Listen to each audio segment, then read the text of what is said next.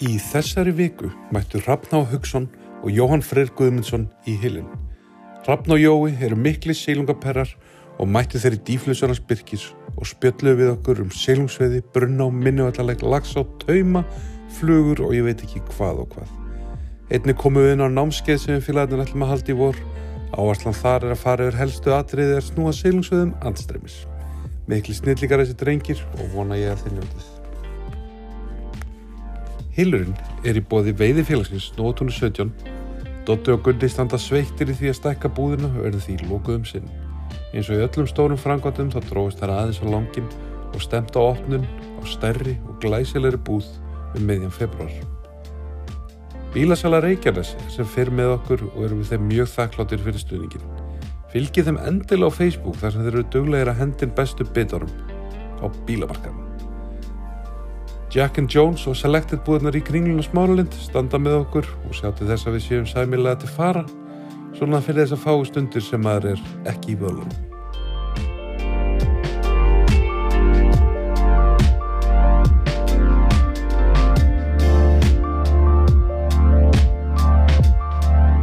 Herja, nú eru konið góðu menn í, í hilin, Rafn og Jói, velkonir. Takk, Takk fyrir. gaman að ykkur Herri, við ætlum hérna hafa þetta svolítið óformlegt, við erum hérna á, á föstaskvöldi og já, þeir eru með þessi ennþá með hérna tvær stelur á borðinu, hún er búin að banna það, það er ekki, ekkert að styrkja þáttinn. Þetta er óafikt, þetta er að slæm Já, einmitt. En hérna, hvað segið? þið? Stórfínt Bara mjög fínt. Við ætlum að hafa þetta svolítið svona óformlegt og hérna spjalla bara eins um, um veiði og, og svona helst silungsveið. Sem að það virðist vera svona, hvað á maður að segja? Já, massin er í silungsveið. Já, þetta er, það er ekki efna á því að veða lagslegur Nei, þannig að við fengum til, til okkar færust sérfræðinga. Akkurat. Akkurat. Og hérna við ætlum líka, við, við rappnir erum að fara að stað með námskeið og svona í vor fyrir þá sem að hafa áhuga á að bæta vissi þekkingu í sílungsveið. Allir verðum svona einbráð því líka, en hérna áttuðu gott sílungsveiður? Ég ætla að, fyrir mig svona mitt persónulega liti, þá átti ég bara að gegja sinnsveða sko. Já, Það var mjög sveit eins og, eins og í fyrra um, frekar óöfnir þar en, en hérna e, þú veist, alltaf stóra fiskar og, og þú veist, þú erum alltaf leiðilegu líturinn þannig að það er bara eins og það er lentu í litnum. Hann kom óvinni snemma núna. Já, við vorum hann að 20 og kringu 20. júli og þetta var, þetta var svona leiðilega kakulita sko Átti samt eftir að verða þarna mun verra á að koma í rugg, sko, þegar ég er þarna vikið setna, sko. Skormín var leiðilega öflugur Já, já, þú veist, maður er kannski ekki endilega standið til þess að vera í skörminum, sko, Nei, ég er að segja það sko. Ég er að segja það. Maður mætir þarna og þú veist, við sáum ég man ekki Ingo félag okkar voru svona stríð á stöng. Hérna sváum af okkur geldinga eina og, og hann fann þar held ég einu þrjá fiskana upptöku sem við sáum um fjóru dögum sko. Já, það er einmitt hérna, ég hef búin að lofa sjálfur mér því eins og kom nú fram í, í flugukastinu að hvað var geggja 2019 að geta verið í þrjá daga með félögum sínum og kasta einhverjum að þurflug það var ég þarna núna í þrjá daga og kasta einhverjum að þurflug sem því bara það, að ég eiginlega kasta ekki. Þetta var bara, maður búin að gefa styrfið eitt dag, bara þeir eru ekkert að koma. Samt var maður með sko stóru bjöllunar sem maður búin að fá á mikið á þarna undan sko að áður en að allt fór í hérna í sjæsi Já, ég meina, þú veist, ég þekkti ekki neitt sko. Ég komið þarna einu svona áður, sást fyrir utan sumarið sumar og, og sumarið fyrra var frábært. Fengum, fengum bara hörku veiði á þurflu og allt það en, en núna var þetta, þú veist, við vorum þarna til að veiða. Mm -hmm. vorum ekki alveg konun á það að sitja við brótaflóa og, og býða þér einum goggangstar í þessu flæmi sko. Nei, nei, ég get alveg skilið það. Maður, en þú veist, þá var það bara skörmi með, með veist, fjara hálsmennum með það tústengúlu og, og bara dundur út að svo hann líka oft í svona aðstæðum sem að stríminin er bara bestið um hann sko, maður nenni því sko. Já, við vorum að veiða svolítið á hérna við köllum hann á mink, þetta er nú bara mjög, þetta er svona afskræming af, af sönri einhverjum þetta eru 20 cm eða eitthvað. Já, já, og maður fekk svolítið yfirborðs dóti út á það sko, í staðan fyrir ykkur svona hægu þurflugu dóti þá, þá fjestu, þú veist, þú þarf að örða það í kasti fljúandi upp úr, náttúrulega úr steinsrassi eða eitthvað. Sko. Það er náttúrulega alltaf skemmtilegt sko. Já, já, en svo fórum við eftir þennan túr, þá fórum við í Brunná. Mm -hmm. Össumveri. það er, það er Bara frábæra það er svona nýtt, hvað skulle ég segja nýtt level fyrir mig að sjá í svona, svona silungsveiði sko. Já, bara hvað hann er tröfluð alltaf fílaði að veða sjóblíkju og svo er þetta náttúrulega anstæðnisveiði og og já, alls ef ekki sjónveiði. Já, hverfið er svolítið svona einhverstað annar staðar en á Íslandi. Já, þetta er alveg svona kjarri vaksið alveg bara nýra bakkan og Já, maður getur týnst í skói hérna. Sem er ekki algengt á Íslandi.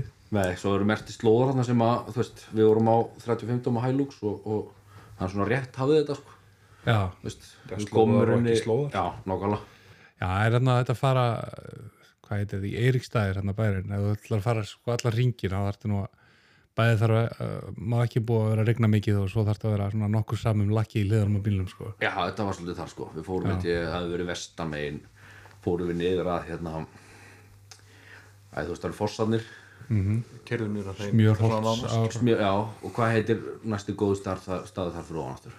ég man það ekki. Ég, ég er alltaf með útlíka þarna með mér þannig að maður er aldrei eitthvað að pæla í þessu. Nei, hvað þetta heitir nei, við kerðum allavega þangað og það var uh, merti slóðar, sko, og allt er góð með það, en, en þetta var svona, það hefði einhvern tíma kert traktorinn, já, já, það var ekki já, mikið meira en það. En svona geggju, þetta er náttúrulega bæði vænifiskar og urriðar og sjóbreytingar í bland við, við sjóbleikjur og svo náttúrulega liggur þetta einstaklega vel við eins og Euronifing og Þetta var alveg törblað, sko. Júró er svolítið bjarga okkur í þessum túr sko Mhm. Bara gaf okkur ansi vel þegar að hitt var ekki að gefa. Nei. Þetta er náttúrulega, þú veist, þó að sé aldrei kannski, ja, hún rís ekki droslega mikið þarna, sko, þú veist, þó að sé alveg hægt að henda á hana galdalöp eins og öðrum fiski að fá hana Já, til þess að freistast, en og hún er oft, oft mjög pikki, þú veist, litlir, hérna, ég man að Björn Gunnarsson sagði eitthvað um við litlir, hérna, hvað heitir það, Royal Coachman, Já, væru, væru sterkir og, og svo er, eru staðir þarna sem að áinn valla rennur, þú veist, þeir eru bara speglar já. það þarf alltaf að vera upp á 9,9 sko, að sko. Það var einmitt þetta á neðstasvæðinu hérna frá Lindafossum á niður að, þú veist, sagt, vitu bílmein Mhm. og Lindafossin sjálfur Lindafoss, svona fyrir þá sem hafa ekki komið þarna, þetta er, þetta er ógislega hraður og, og svona, þetta er svolítið pittur Já, þetta er bara stríðhóla Já, og þar var júró, þú veist, það er bara eins og á svo ótrúlega mörgum stöðum alltaf því meira sem maður við með þessu júrótóti að, að, að fatta maður hvað, sko, vatnjörnir loði mikið við botnin, hvað hægir mikið á sér niður við. Hendi tökum var út í þetta hann er bara fíkur út úr, út úr strengnum bara um leið sko. Já, Það fluga kemst aldrei niður í þessu vatni sko. Er þannig að heila. þarna, þarna var, var júróið opbóðslega stert, sko. Eins líka efst í Nesil, það var einmitt, fengum helviti flotta bleikju þarna, sem sagt, veist, þetta er ekki orðin Nesilur, þetta er bara þarna svona falli barðat nóðan í kverkin einhvern veginn fyrir ofan Nesil, alveg yfirgengilega djúpt, sko. Og í þessu gæt maður einhvern veginn júróðu fiskar, sko. Það er alltaf líka það að þú veist, þú, maður, þú getur dreigið púpuna í gegnum þetta og hendur tökvarinn þá er helvits bakstri með hana og svona leiðinda Já. flow í þessu sko. Já. Þetta er ekki fullkomið tökku var heilur, Nei. það því, sko. Nei, og þá þarf maður helst að vera hinum sagt, fara yfir og já, þetta er þetta er svona margt sérstök á og, og, og ekki margar svona á Íslandi. Nei, Ég hef ekki veit bara sambarlega á, sko. Nei, eða þú veist með þessu, maður veit einu sinni hérna, opaslega mikið að sjóblíkju sérstaklega verið norðan og, og hérna og þú veist, það er þetta kjarr og þetta, þú veist, návíi við kjarrið. Þú veist, ef þetta veiða bæði fyrir vestan og austan og það er svona, þú veist, það er kjarr í hlýðunum og svona, en svo ertu með svolítið hráar ári einhvern veginn, já, svona bara melar. Já, en þarna leið mann eins og áum væri, þú veist, hún er bara frjó frá, bara botni og upp í skilur, já, já. og svo er þetta náttúrulega svona mikið lindar áhrif þannig að svona gróin svona við alveg bara fram bakkana sko. en hvað hvernig setup voruð þið með í þessu? Svona fyrir þá sem ætla að pæla í ykkur svona hvernig, það var náttúrulega, það var júró og, og, og bara ekki júró stöng, eða tökvar er og, og Júró Já, þannig að niður frá var, var júróið opaslega stert þar sem frá, eða í Lindafossum og Nisil mm -hmm. Bjarkilurinn og það var kannski ekki ekki íti allt í það. alls ekki. Maður kemst ekki snálat Nei, en eh, upp í hérna já, hvað heitir það hvað, hvað heitir helvit fossandir upp frá? Smjörholt. Smjör, smjör hólsfossar. Eða eitthvað. Það er staðið sem það er heitir Pottur sem er í rauninni þú veist, efsti fossin í veist, þetta er svona smá kvísli rennu fram hjá okkur. Mhm. og þú veist, ekki ideal staður fyrir nokkra veiði nema held ég bara Júruð. í rúið og þú veist, þar tókum við þrjá fiskar sem við sáum og þú veist, það voru þessi dýri fiskar í hilum Já, fóruð í hérna litlu mýrarhill Nei, var fiskur þar eða? já, voru nokkur bleikið þar Já, einmitt, það hefur stundu verið smakk, smekkað þar þegar ég kom með þarna en ég er yfirleitt þarna aðeins fyrr 7. til 9. júli og oft verið bara helviti fín veði sem er nú mjög snemt fyrir sjóbleikju sko. já, já, en það var frekar rólegt hjá okkur núna og til dæmis var bara ég held ég get alveg sagt að það var engin fiskur til dæmis í þessum þessum heil sem að, að hefur verið bakbeinið í þessu fyrir okkur með nesilnum hinga til sko.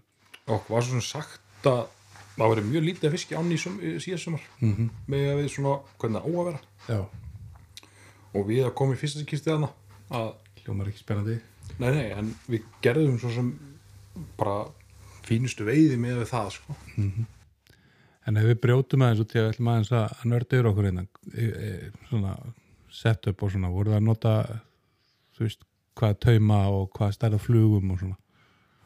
þetta var uh, ég einhvern veginn bjóst við í svona fyrir mitt persónulega allavega þetta væri bara svolítið eins og minnvallaleikur eða galtaleikur eða eitthvað svona mm. ógisla styggu fiskur og, og hérna veist, við vorum alltaf 21. 4. júli eða eitthvað Já, besti tími. og við varum alltaf alveg á prime time sko en, en eh, langstæðstu hluti af bleikinu sem við veitum voru grútlegni fiskar sko. Eða grútlegnir og ekki veist. Þá komu litur aður og sem var sérstaklega þessar sem voru veist, 60 pluss mínus eitthvað smá voru grútlegna sko. En ég kunni bjóst við miklu meira trikk í fisk sko. Veist þetta var bara svona þessi veist, fyrir þá sem þekki ég heit ekki híðinsfjara á eða hrollistalsá eða eitthvað svona þú ferði upp á dal og svona. Þetta er svona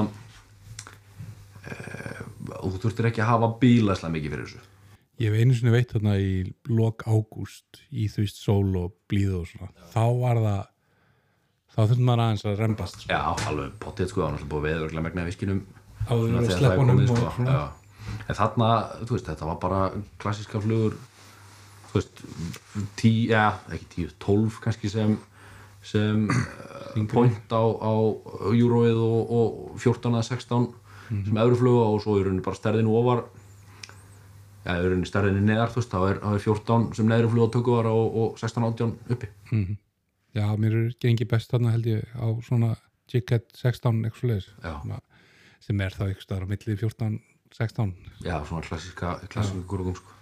og svo er þetta náttúrulega svolítið svona öðruvísi svæði þarna fyrir ofan svona það sem á hvað maður að segja, fyrir ofan efstu brú það sem að Já, og Hamarsill og þar, já. það var eitt fiskur í Hamarsill það er allt sund.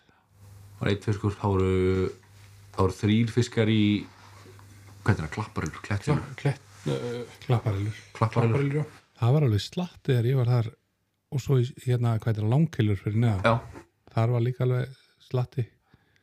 Það var, eins og segja, það voru þrýr fiskar í, í við fundum ekki mikið að fiski að það svona í efsta partinum Nei, þetta var, eitthvað, eitthvað smá óvinnulegt þannig að Já, sko, Lækjadalsbreiðan var, var greinlega alveg talstafiski þar, Mhm. fengum alveg slattafiski þar. En svo þar fyrir ofan eins og í, sem er, sem er bara eitt fallegstu veðist á Íslandi sko. það er alveg bjónd flottur sko. Frábærstæður sko. Já, það var reyni það voru, ég man ekki hvað við töldum við töldum eitthvað einhverja sjö fiska í hvað er það, lill mér heilur, neðri Mhm. Lítið mér eða næri, já. Já, og svo var, þú veist, við sáum tvo fiska í, í langkil og þrjá í uh, klapparill og engan þaðan og upp að hvað sem hann heitir, hellsílur nei, Já, heldur svo það var einn, þú veist. Hvað, hérna, ég man nú aldrei hvað hann heitir hérna, þessi, þessi ligni hérna, hann er alveg eins og pollur, hann reyfist ekki vatni á hann Já, svona fyrir miðundalum, uh, já, og maður telur sig sjá botnin, sko, en þú veist það er ekki, hvað, torfufells hilur, Tólfur, þú já einmitt. maður fær alveg svo þú veist, loksins gerist eitthvað og maður svona fattar, já, þetta er, þetta er alveg smekkað, sko. Þetta bara speklar allan botnin og svo fer maður að sjá eina og svo sem maður tíu og en fústurandi staður oft, sko. Náttúrulega, ef það er, veist þú, því að auðvitað margar ára á Íslandi er þetta náttúrulega mjög veðusalt þarna fyrir vindi, sko, það er ekki alltaf það er ekki oft sem árs með mikla gáru á eins og svona stað, sko. Nei, nei. Við mitt, ég held að ég var tekið eitt fisk á þessum stað og það var eini fiskur sem kom að landa úr þessum stað. Í þessum túr sko, það voru ekki margir sem voru aðna en það var ein hann þú veist, við fórum alltaf aðna þegar við áttum þetta svæði og, og hérna, þetta var alltaf þrjá stangir sem við veitum í rauninni bara á þreim svæðum. En það var einn sem að þú veist, Gjössalega 70 yfirstærð eitthvað. bara. Algjör belja sko. Það er einstu koma að staðnum fyrst sko. Já, það, það leit út það var engi fiskur í staðnum. Nei, og svo allt í einu þá byrtist ein undan bakkanum og önnur. Svo eru góðin talsast ólega í staðinn. Þá allt í einu sáðu sjö fiska. Já, svo er einmitt algengt held ég að menn haldi hann sko liggi undir trjánum sko. Þannig að hann er eiginlega svolítið nærðir en, já, en þú heldur sko og ég var nú geggja sögu hana, hérna ég held ég hann ekki sagt hann aður að ég var mikið búin að rembast þarna þegar ég var hann í ágúst við hennar stað sko. Svo loksis næja sitja í eina þú veist búin að skipta öllu bóksin út maður. Því líkt sáttu með mig að, að hérna, hafa krakkað þetta maður og hérna loksis búin að fá tökum maður og hérna ég landa hann einhverju, þú veist 60 cm bleikju eða eitthvað. Nema hún var með þess að bleik og blá í, í efriðurinn á sér eða í efri kjálkarum sem að stóð svona út úr sko. Og svo var pingu litla púpa mín nummer átján í auganu á bleik og blá. Hún, hún tók ekki svo að ég húka í augan það er miklu erfara við hann að svona en rokk tíma að fá til að taka sko. en þá veist allan að þeir voru að sjá þær sko. Já, já, já, en hún er allan að koma á land. Já, en við líka fengið flotta urrið þarna það er helviti, sérst, í þessum staðum já, við fengum í hérna uh, Lækidalsbreiðinni hérna ógisla flottan, það var svona meðflottari fiskum sem við fengum hann það var sem sagt, það var tæmlega 70 sjóbrytningur 68, 69 eða eitthvað. Og hérna uh, þú veist, þetta er náttúrulega lítil á og, og þú veist, þetta var svona það var mell og veiði, þú veist, við vorum að býða eftir uh, þú veist, að fiskur fær rísa og svona annað, við vorum rosa mikið að veiða bara einhverja 8,5 fjarka og eitthvað svona, svona minnistangir og hérna nema, það var ekki að gerast þannig að við komum að púpa okkur hann upp og segi, svo tekum maður þennan fisk og, og hérna, óbáslega flótu fiskur við erum heil lengi með hann. Og ég sérst fekk hann að fisk og, og hérna, Jói kastar í svona fjóra myndir viðbútt, tekur bleikju. Nema, svo fyrir ég að kasta og þá tekur sérst sami fiskur svona innan við 15 myndir setna Nei. á þessu stað. Og hérna þannig að þetta var uh, við vorum svaka sáttir sko, bókuðum 268 cm sjóbyrning í staðnum hann á þannan dag sko, þetta var sami fiskurinn í setna skipti var þetta bara svo veist, ekki hanglaði heldur, heldur þóttabóki sko. já, þetta getur oft verið hérna, ótrúlegt hvað eru fljótir að byrja eftir að geta já, en það sumari stutt á norðu, norðu þjara veraldar og, og má engan tíma að missa. Það var svolítið manns reynsla af þessu þarna var að þú veist, ef þú presenteraði fluguna þokkala að þá, veist, þetta var ekki það var ekki pikki á flugur per se, það var kannski pikki á, á presentation en, en það var ekki ekki endilega held í flugan sem að já, þetta er bara alltaf eins og í Ísílusveginni þú veist, fara varlega þú veist, já, þeir nákvæmlega eru ymmit, þú veist, eins og í Littlumirur Hill og, og bara víða, þú veist, þeir eru ekkit endilega undir trjánum með að nákvæmlega það sem þú heldur sko, sérstaklega með bleikjurnar, hún er oft í svona þessum ringuðu speklum og já, nákvæmlega, nákvæmlega. á svona það sem maður myndi kalla skrýtnum stöðum Já. En hérna, já þið fóru nú víðar þið hérna, þið eru náttúrulega ja, sérstaklega rann og, ja, já, Jóisson sem líka í, í, hérna, í Grímsárin, náttúrulega þar var sjóbyrtingurinn heldur sterkur í sumar og ekki? Bara mjög mikið af fiski svona með að við. Já, allavega að minni reynslu í Grímsjöðu sumar svo svona komandan tvisvar eða eitthvað, það var heldur gaman, koma óvart, þegar út í að lagsviðin var ekkit sérstök, það var svona þetta þetta klóra hans í bakkan hvort viðskiptaðunum með flottri, flottri sjókvöldisveið og nátti erfitt árið lagsveginni en það var slattið af sjóbyrningi eða bara þokkulega mikið. Og sérstaklega svo undanferðin ár þá hefur verið að dreifa sér talsvist betur. Þetta er ekki bara í lagsfórsi og þarna fyrir neðan að- já þú veist, yfirleitt er hann að hann er að fara upp á brú stundum við strengi og klöppina. En eins og undanferðin tvö tvö, þrjú ár þá hefur hann verið að fara allalið upp á dal. Já, einmitt, upp í átstæðalót, efstæðil hann hlað geggja sko. og veist, það er ekki leiðilt að fá sjóbyrninga þar heldur sko. Nei, og sérstaklega lagsin var svona dabbur. Já, bjarga þessi bjarga verður já, þú veist, rauninni sama s- hvaða svæðu áttir. Þú áttir alltaf séns á sjóbyrningi Það er náttúrulega já, sérstaklega sérstaklega í svona ári sko. En hvernig var kjósin það? Hún var bara fín sko. Náttúrulega 2019 var, var herfilegt sumar þú veist, sem er í rauninni kannski svo understatement. Bara í, í svo sem bæði lags og sjóbyrningsveði en, en þú veist, það bara saði ekki allar söguna hvað var að fiski hvað var að sjóbyrning, það var engin lags í áni og það er ekkit að 2019 já, það er ekkit að bæta ofan á það. En sumarið fyrra var það var ekkert öðru, þú veist, það var gott vatn allt sumarið 2019 og þá, þú veist, náttúrulega svo sem eins og svo ofta aðra hann pakkast á miðsvæðið og þar getur verið að vinna í honum raunverulega sko. en ég held maður sjáu það ekki almennilega fyrir næsta vor hvað var raunverulega af sjóbyrtingi í áni sko. af því að þú veist, við vorum að veiða veist, upp á efstu legulegu stöðum allt í einu sjóbyrtinga í lóki júli sko. Þú veist, 70-75 cm fiska og venjulega fara þeir ekki svona ofalega eða þú veist, þeir fara aldrei svona ofalega en þeir eru kannski max að fara veist, upp að pókafossi og í kringu speilin og þar sem er sko, ég veit ekki 5 km neðar Já, og það er sent á haustin þegar þeir eru bara að sprautast upp eftir, nei, eftir, reyningar til að hrigna en e, þú veist, það var hellingur í sjöbyrningi eins og er svo sem oft áður og ég held að veist, þetta veið að sleppa tótt og það er ekkert að, ekkert að tekja þá tökku oftar að, að það virkar í sjöbyrning og þarna er það bara að gerast veist. það er alltaf starf og starf fiskar og fleiri og fleiri og, og alltaf skemmtilega og skemmtilega að veða sko. það er al- algjörlega þannig og það er náttúrulega merkilegt með sjóbyrtingin í kjósunni hvað hann gengur snemma og er gladur að taka til dæmis þurflugur og já, ég meina uh, fyrst við erum að sjá fyrstu fiskana bara 15. júni já, veist, 15. Svona til 25. júni þá er maður farin að sjá þá þú veist, reglulega inn á milli lagsana eða fyrir neða lagsana í, í fossunum niður frá sko. samt er þetta fiskur sem maður fer má ekki segja bara óvinni seint út líka svo. Jú, það er fyrir eftir árferði en ég held að sé líka þessuna sem að þú veist eins og skaftfylgtu fiskandir þeir, þeir eru sverir, þeir eru svona rúbiboltar skilur mm -hmm. meðan þessir eru svona þeir eru samt mísjarnir það, veist mér. Þú veist, það er einn og einn sem er alveg svona vel þykkur já, ég held að það séu geldfiskar að hlýtur að vera sko. þegar maður hefur verið að fá fólksku sem fór fyrr já, já, það er, þú veist, maður hefur verið að fá fiska þú veist, venjulega þessu sjóbyrtinguna byrja ganga kannski miðjum júni og, og þú veist, gangan er búin öll bara við enda júli en svo allt innu fyrir að veið í september og þú færðu einn og einn þú veist, 70, 75, 78 eitthvað svona alveg nöist eitthvað fiskar sko.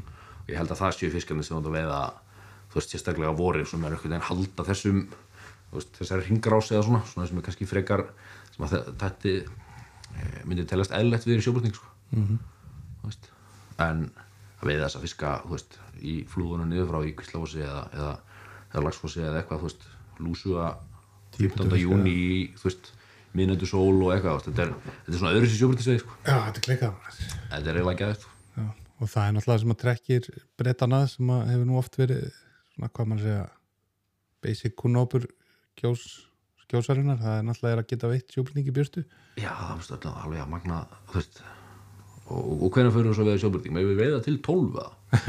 Nei, nei, við bara fyrir núna, sko, eða bara þú vilt. Já, þetta er, þetta er svona öðru sér og, og hérna, eins og segir, hann er frekar frekar gjarn á að koma upp. Já. sem Það, er kannski öðru á við, á við aðra staði, sko. Það var alltaf einstaklega eftirsóknarvert hjá mér þegar ég var með mín að kalla hana um, Hugo hann sem var nú ekkert mikið fyrir að kasta andstreymis eða neitt kallaði það bara flót alltaf við og já, vildi helst vera komin inn í hús fyrir klukkan átta. Já, og þá bauða mann alltaf að veiða og þá bara upp á frísaði enginn þar og bara svona 300 sjúpertíkar að dóla sér. Já ég, þú veist, en þau stótt líka síndveiðin alls ekki gefin sko. Maður sér í taumum og flugum og svo ertu að sitja í kannski 15 bita fisk og ertu bara fókt já, ég meina þú veist út að landa kannski 30% fiskum sem þú sendur í þetta er alls ekkert grín að nei, nei, eitt að setja það sko og hitt er að landa þeim. Já. það er tvent ólíkt. Já, eins og þú mást nú svo sem eftir fiskinum hérna upp í heifaði jú, jú.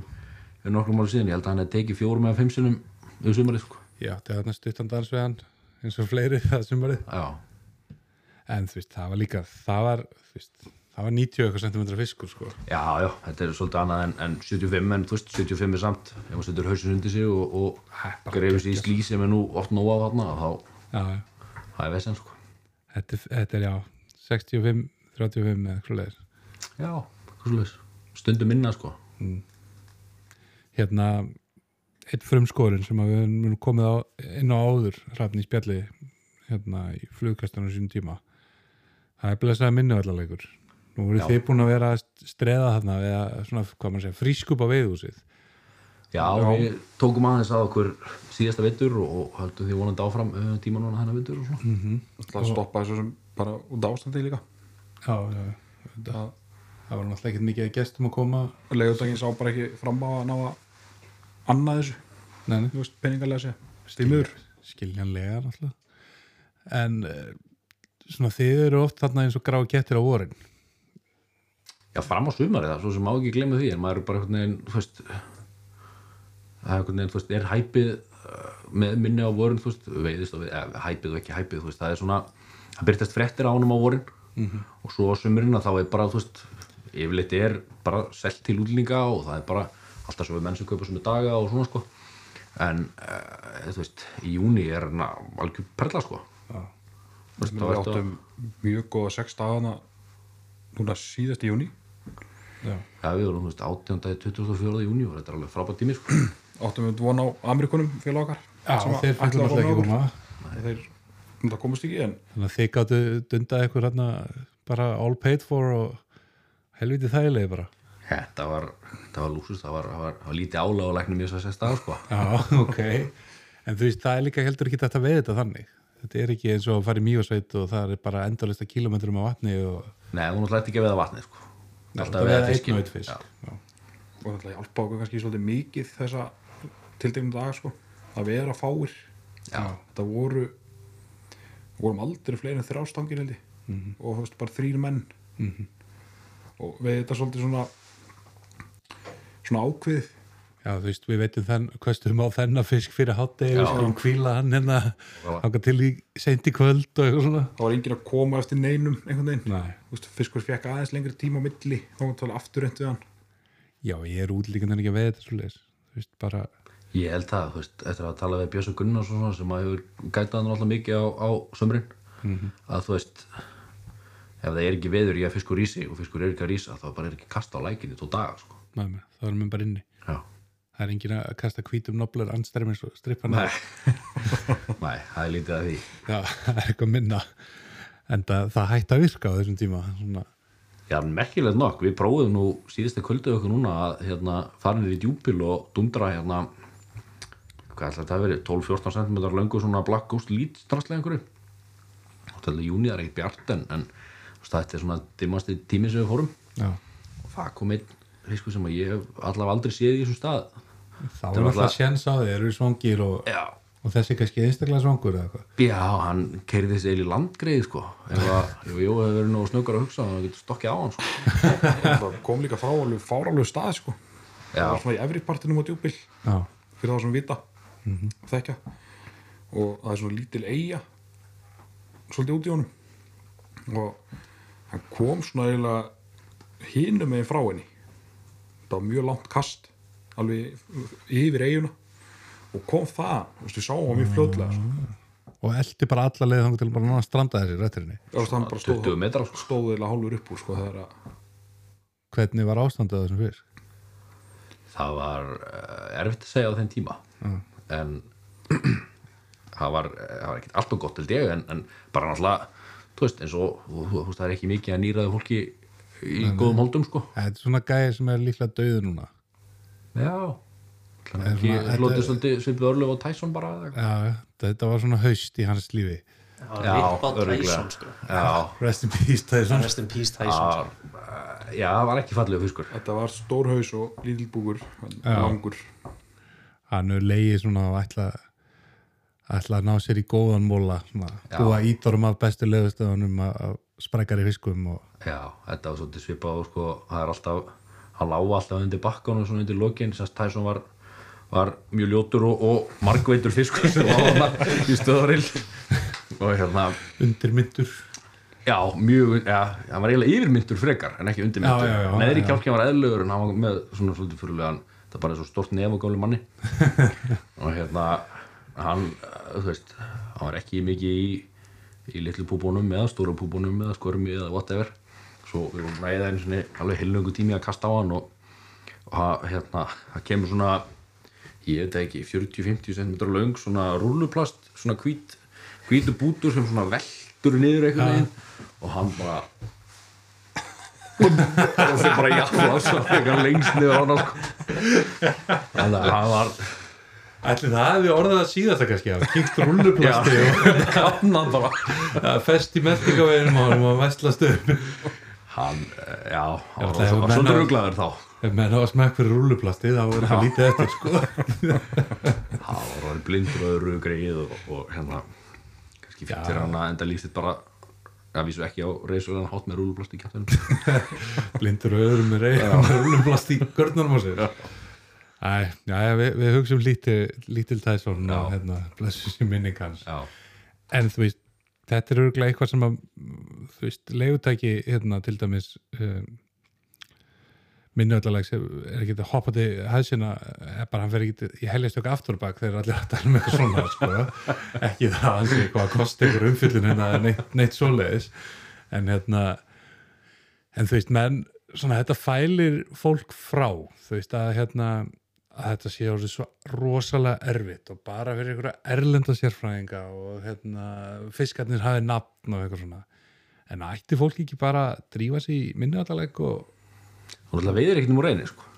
þú veist, saman hverju þú ferð. Og mér finnst þarna e, svo sem, þú veist, maður, veist, ég hef ekki verið að veiða þarna í miðum ágúst eða, eða veist, á svona þeim tíma þegar það er bókstallega búið að veiða alla fiskana þá um vorið. Og þú þarft líka getur glimt öllum draumum um að vera að landa einhvern tíu fiskum á dag sko. já, ég meina, fiskur á stönginu á dag er bara frábært, sko, þú veist, en það eins og ég segi, þú þú ert að veiða fiskin, þú ert ekki að veiða vatnið. Og þú ert ekki að taka þúsund köst á dag sko. Nei, að- þú nei. ert að stilla þér upp taka kannski 2-3 köst svo skiptir um flugu og ég eftir að hann byrja aftur að þetta vaka er bara rosalega afslöpu veiði. Já, bara líkillin er að vera alltaf róluðu bara og gefa, gefa sér tíma á hvert stað ekki vera að æða fram á bakka. Einmitt. Þú veist, fara valega að vera á hnjánum litla flugur litla tökuvara, við erum með, með hérna granna tauma. Bóksiðans raps og þess að sjá að þetta eru tungstenpúpur hérna alveg minnsta sort. Maður, maður sér þetta nú ekkert mikið minna þetta. Og hérna eru við með hérna 60 volts og þessar helstu mitts og, og fasanteil náttúrulega og hvað er hinn liðin hérna ice cream cone og veist, þetta, er, þetta er nú ekki flókið þegar hann Nei, ég er, þú veist, all for confidence fly, sko. Já, þetta, þetta er svona svipað og, og, maður er sjálfur að, að brugga í sín bóksum sko. ég held eins og ég minni, sko, veist, það er öðru sig, svona, ef við tökum brunna sem dæmi, að hún býður upp á svolítið mikið að skjóli.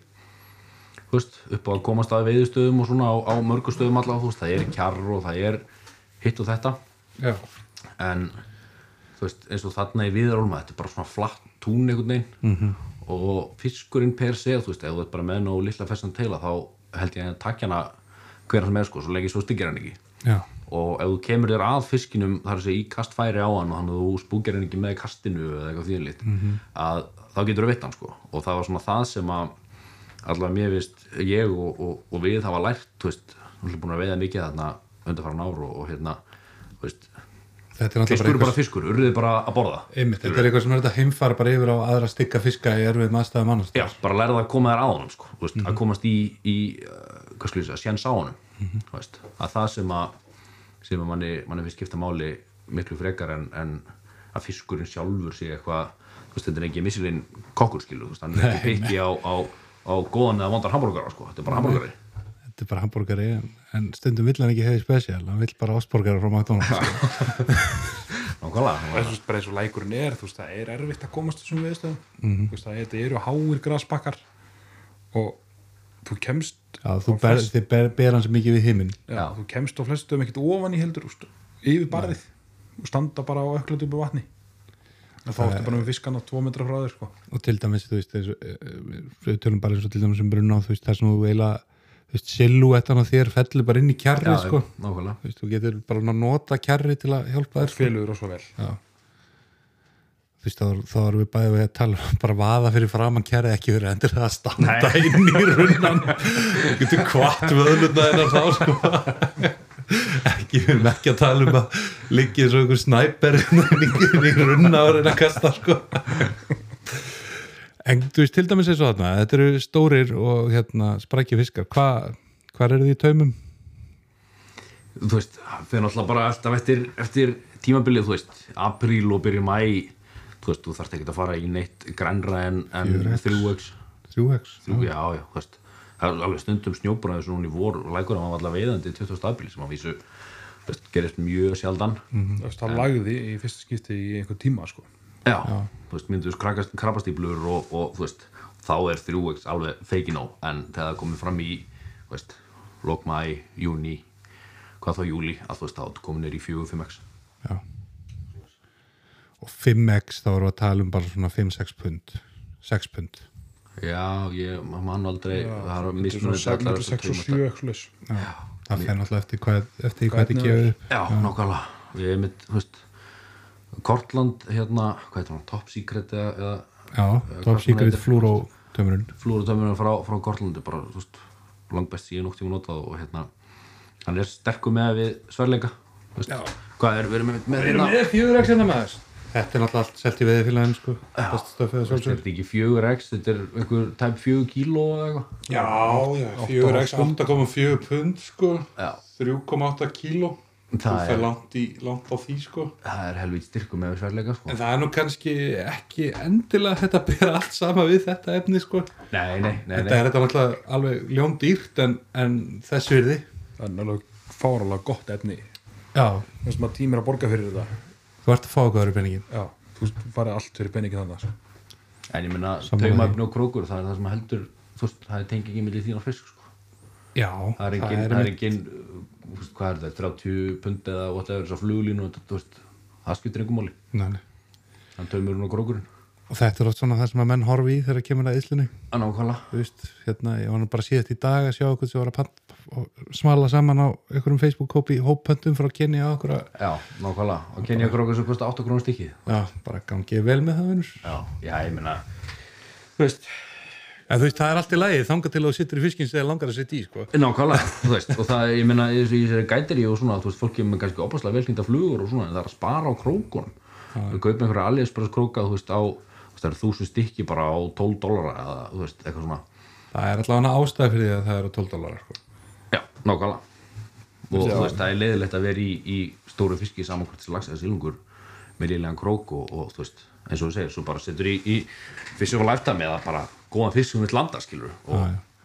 Mér finnst þetta oft mjög fyndið, maður lendur í sem bara í leiðsögn lagsveið og allt maður, það er bara glænir landgrúsir á planinu maður Já. og, og hérna simskallinn og, og hérna dýrasta stöngin og allt tipp topp og svo bara, heyrðu, ég geta helvíti góðan díl við einhvern nýgarískan prins hérna maður.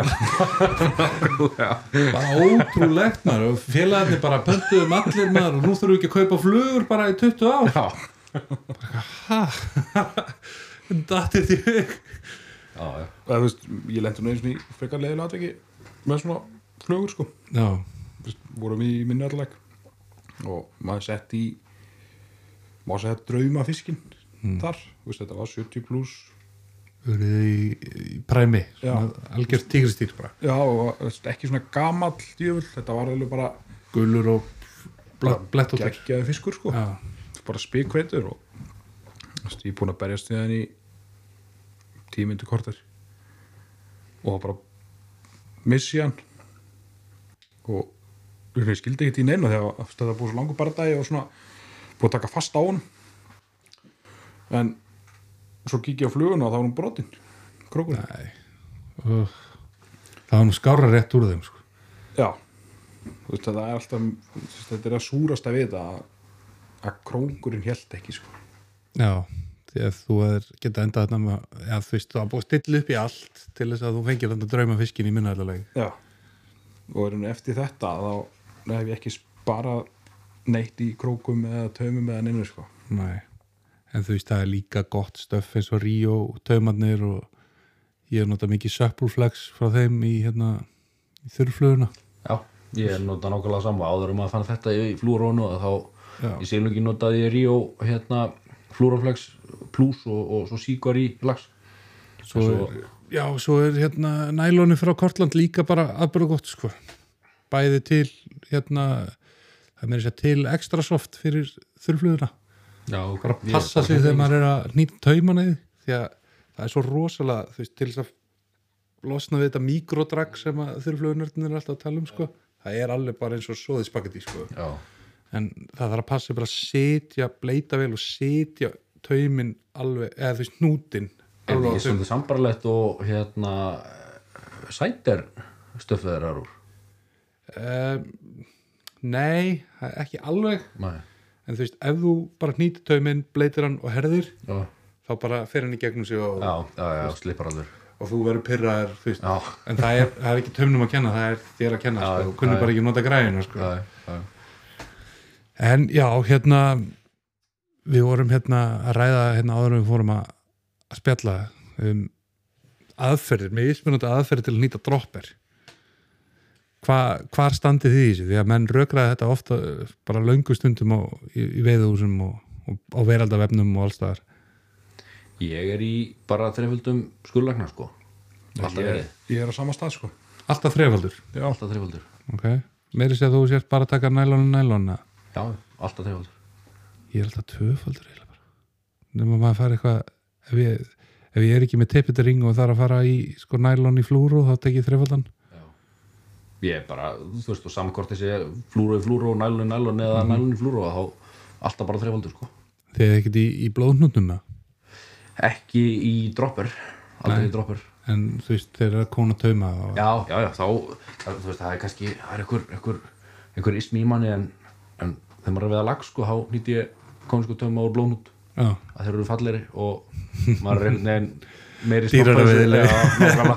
það er svolítið svo leis Þú en í- svo í hinnu þá er ég að veiða og þá bara reyka maður svo saman og kastar úti sko. er, er það munur náði sko, þú ert að veða lagst þá ertu með hann sixpensara og þú ert að veða sílum þá ertu með svona deglu eins og almómennir nei, við veitum það ég er ekki mikið í því að skipta um húu Nei, það er bara ein húa sem kemur til greina Hvað fyrir svo húan en, e, þú veist Svo barst þeim þetta í tali á okkur hérna nýsjálenska aðferðin. Ég var mitt búinn að rigga hérna upp einu svona til þess að það er sem sagt þegar nýtt er í uh, bugin á flugunni. Sjá, sést þetta eitthvað hérna? Uh, ef ekki þá bara ekki. En hérna, já, þá nýtur þess að bara venjulega flugu á og að, annan taum í bugin á flugunni og svo bara næstu á eftir. Mér er fundið skoðanir? Ég, ég mist miklu meira fisk á þetta. Já, Þú veist, það er eins og eða, þú veist, ef þú ert með, ef þú ert með þrefanda skurlagna og, og þú veist, svona spes anga út í fluguna þá, veist, flugan er miklu frjálsari. Mm hún hún er, er náttúrulegri. Já, hún er, hún er, hún er stök. Eða þú veist, hún er ekki hluti af af uh, einhvers konar kaðli eða náttúrulega bara sett upp í skilur þannig að þegar fiskurinn tekur hann þá tekur hann yfir bara flugur. Hann er ekki að þvælast með eitthvað getni upp í sér Nei, á sama tíma sko. En svo er líka þessu umræða sko, ja, umræða bara eitthvað sem ég hef orðið var við þá er ég ekki að tala um kannski endlega í þurflugu með svona nýsjónarskriði heldur meira bara í þessu dropper púbuvi Mhm. að náttúrulega þegar að það er strekt á þessu hérna gittninu það er svona að við fáum kannski reynum að taka þetta upp eftir setna bebi hvernig þetta lítur út eða, eða þú animetar þetta fyrir okkur eða eitthvað. Já, ég er rétti sekundi þú veist, að, að fiskurinn nær ekki utan um fluguna en það registerar á tökuvaranum efri fluguna, þegar hann tekur efri fluguna. Já, og þú bregst við og þá neglist neðri flugan í eirugan eða end, undir hérna. Eða undir, já, einmitt undir neðri kjálkan og þú endir í ykkur í baráttu við húkaðan fisk sem er náttúrulega ekki eitthvað sem að mann dreymir um sko. nei, nei, nei, og, og þú veist, þegar hann líka þegar hann er búinn að taka fluguna hérna sérstaklega, Já, hann nákvæmlega, ætlaði, þú nákvæmlega. búinn að, að plata hann sko, og endar með Nákvæmlega. svona, ó, hann er húkaður já, nákvæmlega það missir, svolítið fútti úr því sko saman hvort það sé þurflug að púpa eða, eða þú veist að fá einhvern, einhvern uh, sti- þú veist, lags upp í strippaðan söndri og, og, og, í sporðin það er ekki, Nei, hann heldur sér á hann sant? Já, já, þú veist, það, það er geggjað skilur en það er bara mátt vera í kæftinu já, það er alveg maður kannast við þessa tilfinningu sko. en það er alveg trúabröð í Nýjasjálandi og, og þetta telst ekki sem fál húkt þar sko. nei, það er alltaf bara eins og í bandarækjunum það menn að slæða hérna tauma og gúlur og króka upp í fiska einhvern veginn og með þeirra að anda veist, já, að þetta er þegar fiskur tekur ekki flugu sko. Já, en þetta er nú, þetta er nú skemmtilegt að koma inn á þetta því að hérna nú að vera skipta skoðan nú höfum við svona, hvað maður segja, leiði svolítið og, og fleiri í kringum okkur og ekkert í kringum okkur. Þú veist, orðið svona það er að verða einhver kynnslóðskipti í, í veiði þar sem að menn eru meira að veiða á upstream og eru farin að veiða lags Þannig að, þú veist, og ef, ef að menn veiða með tveimur þungum púpum og slæða í gegnum hundralagsa torfur þá getur hann alltaf já, þú veist, það er hansi líklegt að þú húkir ef þú veist ekki nákvæmlega hvað það að gera sko. já, já, um, og nú var urðu umræður hérna mitt í, í haust þar sem hann kannski svona fulltrúar eldri kynnslóðalunar voru bara á því að, að við, til dæmis, ég held að það kannski verið hugsað til ykkar og, og mín og, og hérna, Þorsteins og, og fleiri svona sem voru að skrá eitthvað nafla í elleðanum í sumar. Já, að við værum bara ekki aðeins að húka, heldur líka einmitt að, að slæða upp í fisk húkaðu munnin húkaði munnin, já, húka utan á munnin og alls konar. Æ, þú veist. Dare to comment að veiða upp í kjós í tefnilega fjögurslags ári þegar þú veist, þyrkækjur og sakkandar og svona, þú veist, það var ekki komið þetta smá, þessi smáflug menning eins og er núna. Það skal lengi segja mig það að allir þessi fjögurst fiskar hafi verið kvikteknir í kjaftin, sko. Veist, sérstaklega þegar það er lítið vatni eftir í ágúst og, og, þú veist, að því að þú ert ekki komið niður í, þú veist, annarkvort bara púpunum 16 eða flugunum 18, skilur 1988 var, þú veist, þú veitir ekki á þetta Nei. þannig að, að ég veit það ekki mér veist, þú veiðir að, þú veist, ég er alltaf þannig ég veiða það sem að veiðir -hmm. og uh, þú veist sama hvort þessi stort eða þungt þú veist, maður nota bara það sem að, segja, hendur aðstæðunum og, og það sem að virkar skilur ef þú kastar inn í torfu af fiski að hvort þú ert að svinga eða uppstrýma og þetta svinga litlum kón þú kúkar alveg mikið eins og að kasta uppstrýma á hann Já, ég held að ef, þú veist, ef þú líka hefur sæmilegt vald á því að vera með raunverulega dött reg og ef það er eitthvað þykk torfa að vera þá kannski ekki með tværflugur. Nei, ég meni, og þú veist, ekki þingja eins og þú sért að veiða botnin sko. Nei, nei, þú veist, þetta er hérna ekki fara undir torfuna og svo kasta aftur þegar þú komin hérna Já, eða þá að þrjá taum- metra fram með steinunum í hrauninu nákvæmlega, eða þú Ekki veist, eða rassur. taumurinn er, er að rekast í eirugan á þeim og þú strækar skilur Já, já, þú veist, þú þarf bara að meta þetta eftir, eftir aðstæðum hverju sinni og, og þú veist, þú veist ég ætla að persónu nota þetta frekar, þú veist, ég er að targeta eitt fisk. -hmm. miklu frekar heldur en að dundra upp í veist, eins og þú segir, 100 lags á torfu eða whatever skilur.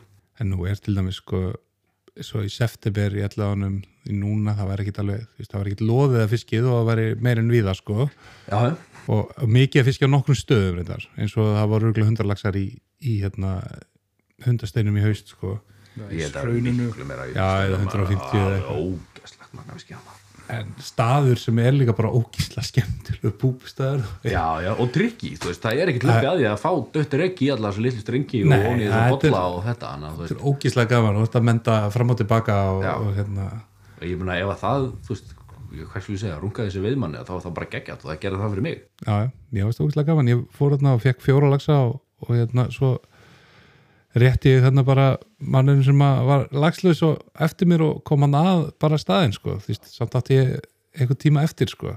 Já, ég meina, þú veist, og náttúrulega eins og þú segir, veist, með ákveðin tækni og öllu þessu var þetta að pikka upp alveg endalist úr þessu en, en þú veist ég, ég myndi ekki segja til dæmis að símastæningu var skemmtilegu púbustæður, þú veist, Nei, en auðveldur. Hann mjög öldur og veist, gefur örgulega alveg opaslega vel að gera það en það er svona meiri þú veist, svingstaður eða rænslistæður eða whatever, en þessi hundastein og það sem þetta er, þú veist þetta, hvað skulle ég segja, liggur fyrir ykkar svona uh, bersýnilega við einhvern veginn að, að prófa þetta og það er erfitt og það er bara ókslega gaman, það er að en til dæmis, þú veist ég held að flesti svona sem að siglusveimenn sem fara í lagsveið þeir fara ekkert í lagsveið til að gera þetta. Nei, þeir gera þetta til að ná nei, sér í lagskilu þegar hitt virkar ekki. Já, já, það er ekkert eðlert álag og eins og fisknum í elleðanum sem er veittur í, í háls hálsdags rótiringu, sex nei. tíma rótiringu þú veist, það er alveg barið á þessu og menn eru all in þegar kemur að því að nota bara allt sem að virkar og já, já. Og það er, veist, klukkutíma skiptingar.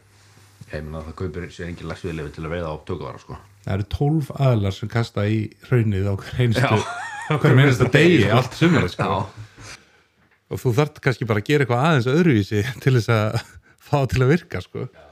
Já, ég minna þessu, þú veist, það kaupir sér ekki lagsveðlega til að nota tökuvara, sko. Eða, veist, Nei, nei. ég myndi ekki gera það. En, uh, þú veist, þú ert líka að kaupa það lagsveðlega og veið eitthvað, sko. mm já, algjörlega sko. Já, eins og á hann, við, bara, við erum svolítið á þessu virkar ef að svingi virkar ekki þá fer maður að leita eitthvað annað sko. Mhm.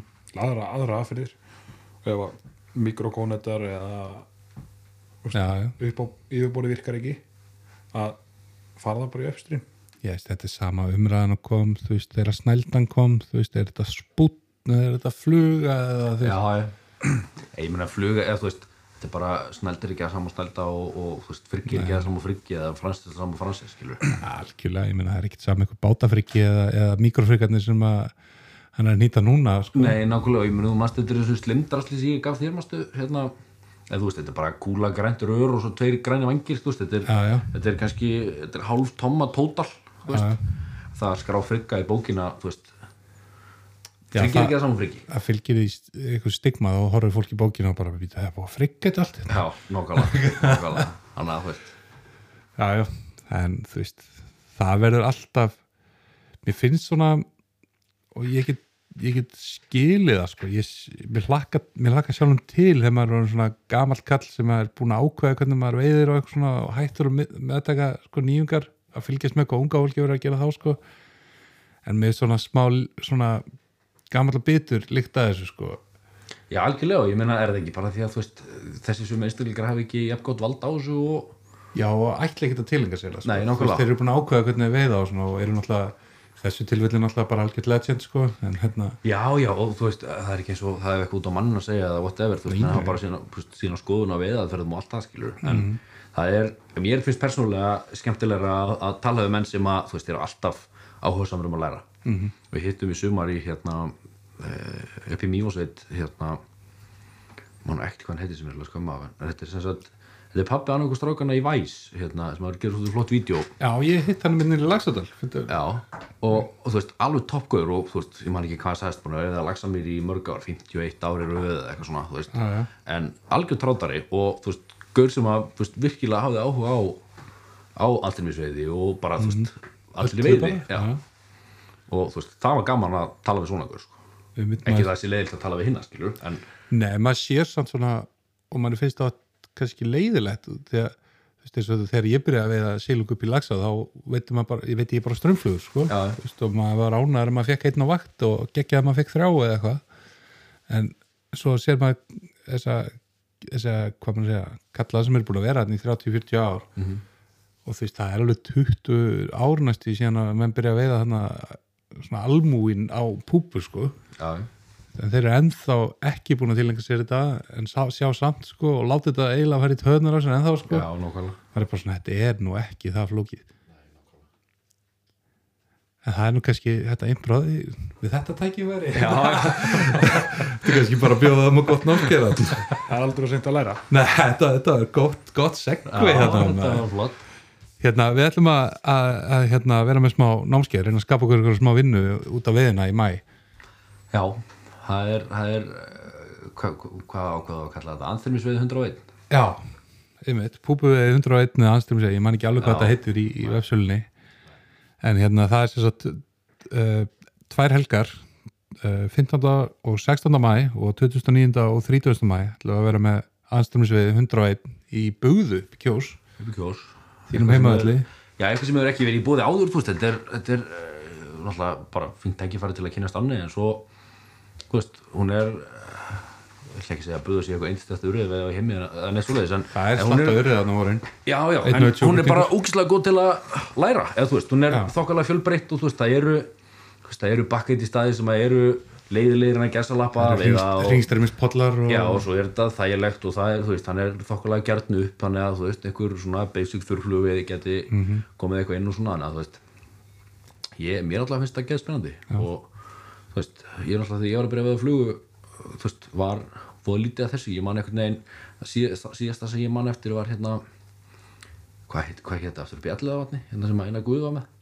Já, hérna flugum við skóli í Íslands eða eitthvað, nei, Já, ég man það ekki. Æ, ég man en það var einhvern veginn, þú veist það var ekki alveg svona fyrir mig, það var ekki alveg dýrt til það, ekki, nei, ekki og kannski líka meira bara svona kastkjensla og Já, eitthvað nákvæmlega, í nákvæmlega. þessu ætlum við að gera ráð fyrir að þetta er sérst fyrir menn sem að kunna kasta og þetta er sérst sett upp þannig að, að hérna þetta samastendur af einni kvöldstund sem verður hérna í Sundaborg í sal þar, þar sem verður farið díteilað út í allan hnúta tauma, flugur þyngd á flugum, dýft bara allt sem að viðkemur þessari basic anstæmisvið með tökuvara. Bara svona fyrstu skrefin til þess að menn getur farið að veiða getur náð sér í eitt lags í allavega þegar hann hættir að lifta sér upp í flutna getur farið í varma og þú veist bara veitt bara silung og lags anstrymis Já, ég held bara að þú veist, grunnþekking á, á uh, þú veist, hvernig flugur haga sér í strömi, saman hvort það kastað upp eða niður, þú veist, hjálpar þér svo bilaslega mikið, saman í hvaða veið út að veða, Já, já. þar að saman hvaða fisk út að veða.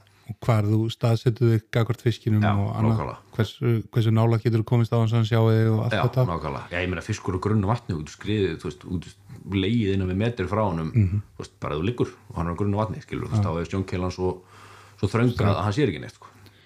Nákvæmlega, það eru, það eru þessar svona pælingar sem við ætlum að, reyna impra á og hérna og það er sérst samanstendur að þessum fyrirlestri eða, eða bóklega hluta, má, má kalla það og svo verklegum hluta sem fer þarna fram í böðu og já, það er ekki alveg ljóst hvað komast margir á, á hérna hvert part þessast hvort að við fáum leifi til þess að vera hérna með þrjástangir eða tvær, það var þetta fjóri til sex í einu með uh, já, við verðum hann af að ef við fáum leiði til þess að vera hérna þriðstökinu þá mæti Jói líka með okkur Já, klálega og hérna og ætlum svona að reyna að hamra þetta inn þá er sérst bæði sérst farið yfir þetta bóklega og svo farið í hérna ána og lært að menda og allt þetta þetta sem er ekki hægt að læra á, á YouTube-vídeói Nei, sko. nákvæmlega, nákvæmlega. Og svo líka, þú veist, mér er kannski fínt að innbráð því að svo sem líka, en þú veist, þetta er ekki bara að gæta.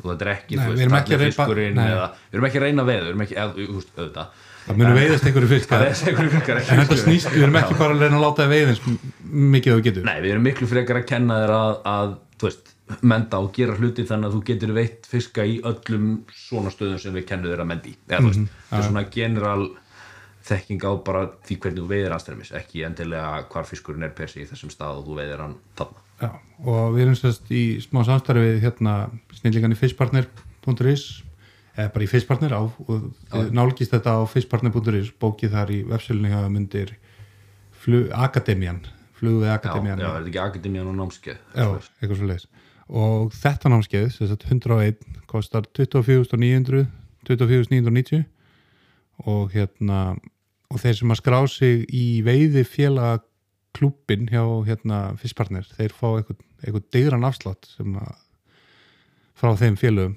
Þannig að bara hvetjum alla endilega til að gera skrá sig þetta og þetta er hérna að sjálfsögðu niðugreitt að öllum helstu stjættafélögum ef við tókum, við tókum eitthvað svona viðmið að hérna vaffer niðugreið svona frístundarnámskeið fyrir hérna, félagsmenn alltaf 30.000 krónum. Þannig að til dæmis í vaffer þá fær þetta frýtt en svo erum við með eina helgi það er hérna helgin á milli 20. og annar og 23. það er 201 og það er, það er svona farið meira dítilað það er þess að samastendur að einni svona kvöldstund þar sem að farið er yfir allt bóklega dæmið og þannig eru að taka líka þörfluguna uh, euronymfing og fara svona aðeins lengra fyr- fyrir þá sem eru kannski komnir aðeins lengra sko og það er sama og það er náttúrulega að kunna kasta já, þetta er ekki kannski sla. Nei, en það, þessa daga ætlum við semst að fara hafa þetta þannig að, að við tökum helgi upp í Köldukvísl og Tungná hjá Fiskbarnir. Þeir eru með þarna glæsilegt veiðús Þóristungur og þá sem sagt verður námskeið á miðgudegi hérna, í vikunni fyrir. Og hópnum svo skipti tvent fyrir hópunum mætir á, á föstaskvöldi og þar er matur, kvöldmatur og hérna svona farið bara yfir daginn eftir. Og svo morgumatur daginn eftir næstispakki veitt allan daginn dagskrá til svona kvöldmatalitis engin hátegismatur, menn bara veiða sér raskatið undir leiðsögn kennara. Og við ætlum að vera þarna aftur og hann Birkir ætlar að vera með okkur. Já, við förum bara vel yfir sérstaklega svona vonaðum við fáum ágætt veður þegar við förum upp í sérstaklega tungnana mm en það getur verið rosalega trikkið að fá hann Já, á lítið það- þurrflugutan sko. það er náttúrulega alltaf bara á Íslandi þurflug veiði bara gambúl veist, við Já, hún er rosalega svona djörf upp í þurrflugu þótt að sé, bara um leið og ekki með lók sko. Já svona kannski ekki dögt lók, bara aðeins. Er náttúrulega, getur verið svolítið róka á þessu svæði. Mm ef maður finnur skjólinn svo í djúpili eða eitthvað Já, það er alltaf sko. ykkur að súpa þar sko. en þá er þess að veitt til þessast dagskráti kvöldmátalitis og hérna menn með að veiða svo til 9-10 um kvöldi sko eða eða vilja en svo kera þeir í bæinn. Og þá er tekið á móti sérst hinnum hópnum um, þarna um 7-8 leitið og það sama prógram dinner, morgumatur og heil veðudagur formleiri dagskrá líkur um, um hérna sex litið og menn með að veiða sig inn í kvöldi eða vilja sko.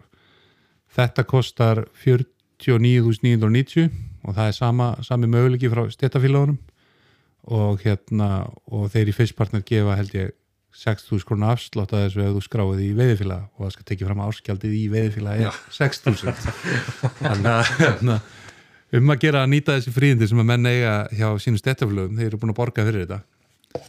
Endilega nota það til þess að vera betri veiðmenn og, og náttúrulega fá veiða heldur ekki í leiðinni. Við ætlum að Þetta er ekki umjölu svæði, þetta er Nei, náttúrulega- pílítið einbráði að hérna, ég, veist, það er nú ekki eins og ég þekkit eitthvað gífulega vel og, og eiginlega hitt og heldur en hafandi veitt þarna neðst í köldugvísl er upp á svona júrunifing og kemst svo nálat fiskinum þetta er svo mikið af ströymum og símum og doti þannig að veist, þetta er fullkomið að ég myndi segja það. Og mér varst alveg, þú veist, í þessi skipti sem ég veit þetta, þetta er alveg þetta er ógislega gaman þetta er draumastæður til, að- til að læra á og náttúrulega bara ósinn í köldukvísl er bara mesta training ground pool sem maður getur fundið Já. fyrir svona það er svo mikið af fiski að um leið og byrja að gera þetta rétt færðu velun sko. þú, þú getur verið að og hort á 20 bleikjur og þú heldur þú sért að uppstrýma þetta rétt það er engin viðbröð, ekki neitt. Nei. og þarf bara kannski aðeins betra mend ná algjörlega döðreikinu þá ertu bara hvað langaðir í margar. Já, í margar af þessum bunga eða sko. þú veist, þá ertu kannski búin að læra á tökuvaran og það skiptir í júróið eða... nákvæmlega bara,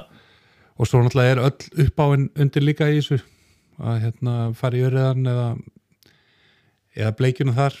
Þannig að þetta verður bara vonandi vel tekið í þetta og hérna já, fyrstpartner.is undir námskeið og akademia kíkið á þetta ef þið er áhuga og endilega sendi okkur eða okkur frekar spurningar og eitthvað og endilega heyri í stjættafélagin ykkar og reyna að gera þetta fyrir sem allra minnsta pening.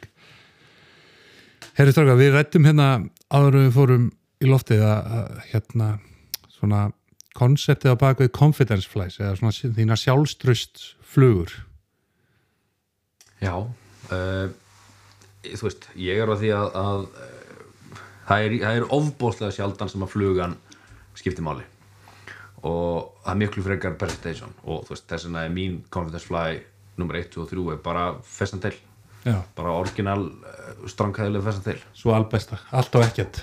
Já, allt og ekkert og þú veist, það er eins og ég segi, þú veist, saman hvort hún sér nummer 8 í sjóbyrting einhvers staðar fyrir austan á hausti eða í varma eða, eða lags einhvers staðar að líka til vorflug í Lagsadal í, í, í júni bara Já, nummer nákvæmlega. 8 eða 6 sko eða og svo ferðu upp í, þú veist, nýri í eins og ég held að síðan, ég held að minnst í bóksinu sé 24 Já, einmitt. Það er hann að þessar minnstu fyrir miðju hægra minni frá þessi það er númer 24 Já, hvað tauma ertu að nota í ert farin í starf 24 það er 5x Bara 5X-inu? Já, ekki slus Ég er með hérna einmitt flugunumir held ég 32 eða eitthvað ég veit, við erum nú ansi við erum að leggja ansi mikið á iPhone-um sko, ég veit ekki hvað Drasla lósiki ég veit ekki alveg hvað þetta sést sko, það er ekki fokki fræðilegur sko, er ég veitt fisk á þetta? Na. en ok, hérna við reynum kannski að taka einhverja betri mynd að þessu.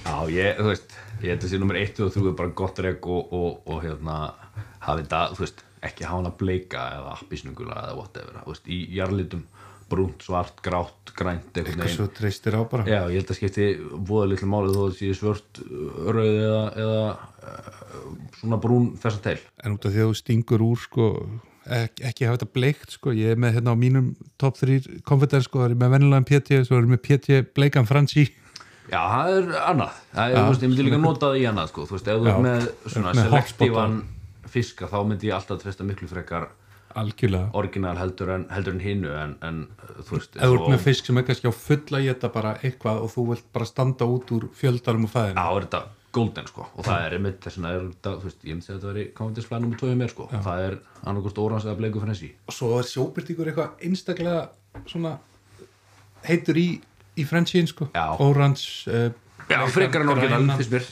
já, Það er eitthvað li- litirnir einhvern veginn sækja meir í hann sko. Já, Ég held, eins og vorin í varma að, þú veist, þá er frensíin hann er miklu fyrir ekki góð og eldur nótt í mann orginal sko. Já. Svo náttúrulega er þessi gamli góði Sexy Waltz. Já, héri, kopar héri eða hvað sem þetta sem við kalla þetta líka. Já, og bara hotspot og, og, og smá flass. Já, Það er náttúrulega alltaf Mér hefist við bara allir vera í sama pakka. Nei, það er alltaf Það saman er meira að læra í staðsendingunum taumunum, kastinu. Svolítið stærðina líka flugunni. Já, Þú veist, við það skipta meira máli heldur en hverju þú kastar. Og hversu samspil. nett hún er. Samspil eh, taums og, og, og þingdar sko, Já. flugu Þú Já, þarft þetta er náttúrulega, þú veist, hvers lýsa, bottom line er bara presentation, það er að segja, þú veist, kynning af flugum, þú veist, það er profilflugunar, það er náttúrulega stærðin, það er taumurinn, það er dýftin, það er allt. gera sig grein fyrir því að þó að fiskur sé eitthvað rosa djúft það er ekkit endilega besta hvað he- henda bara flugunum með stærsta tungstenhausnum Nei, sko. getur bara, slimnu flugunum með 14 og þú veist, og Fjögur taumur. sekkur heldur hratt, sko. kannski bara setja 12 putta maxima aðeins á hilluna Já, kóna sér aðeins niður og, Já, og þú kemst þarna niður já, þetta er fínt í vorlags, en ég myndi ekki, ég myndi ekki fara með 12 maxima í júni, nei, í, í minnarlag, segi. ég. nei, það væri, það væri fatal Já, þannig að, ok, hérna eitt sem ég langar að ræða við ykkur er svona árið fyrir að kalla þetta það eru hérna þurrflugvegin. Já, hvar standið þar eins og í confidence? Ég hef náttúrulega verið já þú veist maður er veitt á þurrfljótum allt og, og verið í pikkifiski og farið í svona hana, hana, ég er náttúrulega svona stæstur í þessum einhverjum svona stimulator patternum já, já, sko. já, já. um, og mér finnst það ógislega gaman að kasta á, á veist fisk sem ég veit að er ekki að rýsa og fá hann til að rýsa í einhvern bita sem bara stendst ekki Flip-flop eða eitthvað. Já, þú veist að eh, við sýnum nú einhverja myndir að þessu, tökum einhverja myndir að eins og risabjöllunni sem ég var með, mikið með á Instagram í sumar sem að bara bjargaði sumrunum minn út því að það var, þú veist, komið litur snemma og, Já, já, og eitthvað svona Hvað hva eru þrjár confidence? Ég er, er þú veist, svartu klingamer uh, svartu klingamer kattis, hérna svona elskar kattis og Já, er maur, Já, fómur maur, já, Já, hann er einmitt á, á blaði hjá mér líka. Já, andinn, gnatinn lagnat og og kattisinn einhverja svona sínum hérna. Kannski fæ ég einhvern maur hérna í svona eðleri stærð, þetta er svona einhver 16 hérna þetta er sagt risabjallan hérna sem ég er, ég er að við þetta er nýtt á strömmflöðungul nr. 6 en hérna við getum nú líka sínt mynda þessari flugu í fiskikjafti sko og svo er hérna stimulatorinn og kattisarnir hérna, þetta er nú ekki elgar kattis en svona kattis sem gefið mér vel líka. Já, og fyrir þá sem er að hlusta bara á Spotify, Apple Podcast eða hvað sem er þá Já, þá erum við kannski klippum þetta út og setjum þetta inn í Facebook-grúpun okkar. Já, það verður kannski ekki úr veið Ég er hérna- Ég er hann alveg bandóður hérna með einhverja handheld kamera sko. Þetta bóðar ekki gott Þetta verður allt eins og Michael J. Fox ég held að mynda helni og eitthvað svo leið sko. Þessi hérna kom helviti sterk inn hjá mér núna í sömar þetta er náttúrulega bara galdalöp, svona tvöföld galdalöp og hérna er kölluð görnin í höfuð á veðistarum görninni þar sem að fyrsti fiskurinn á hann að veitist en já, hérna við erum búin að taka bara smá heldur gott spjall hérna um, um silunganördisma og hérna ef menn vilja kafa eitthvað, eitthvað dýbra onni í þetta þá bara já, þetta er alltaf alveg sve, eitthvað sverasta plögg sem hefur verið gert í þessu hætti sko en hérna en já, já, þú veist ég, við, það bara út því að maður fær mikið spurningum og það er greinilega áhuga á þessu og hérna lítið að kannski upplýsingum beint um svona trikki seglungsveiði á íslensku um Ísland, þetta er allt svona ef maður fyrir að skoða eitthvað, þá eru menn í einhverjum WD-40 já, Mitch nummer 28 sem er gerð til að veiða einhverju tailwater á í Montana í janúar sko. já, nákvæmlega. Þannig að bara vonandi að sé ykkur áhuga það má ekki glemma því þó að sé hellingur að fiski hérna, þú veist, þá er ég man ekki hvað það er á, á fermílu í einhverjum að þessum hérna, Missouri eða eitthvað, það er tíu þúsund urðar Já, þeir eru með eitthvað klass system. Eða þú ert með for every mile að sé tíu, eða yfir tíu þúsund dörriðar þá ertu eitthvað klass AA það er kannski ekki alveg svo lýsið minnallag sko. Nei, það, eh, það væri svona álíka á þessi hérna, hvað heita þessi, þessi fyrirtæki sem var alltaf að gefa íslensku böngurum svona einhvernir fyrir áræðilega einhver fyrir. Og við varum alltaf eitthvað triple A plus plus plus. Það, það væri það væri byggt á, á bröðfótum að segja að minni alltaf einhver væri með 10.000 fisk á kilometr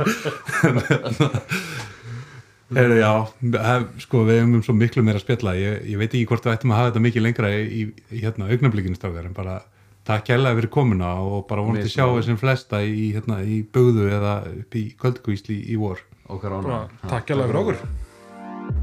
Takk hérlega fyrir að hlusta. Mér langaði að segja ykkur frá Facebook síðu þáttarins Hilurinn hlaðvarp. Og einnig að hveti ykkur til að subscriba og læka þar sem þið hlustið hvort þið þarf á YouTube, Spotify eða Apple Podcast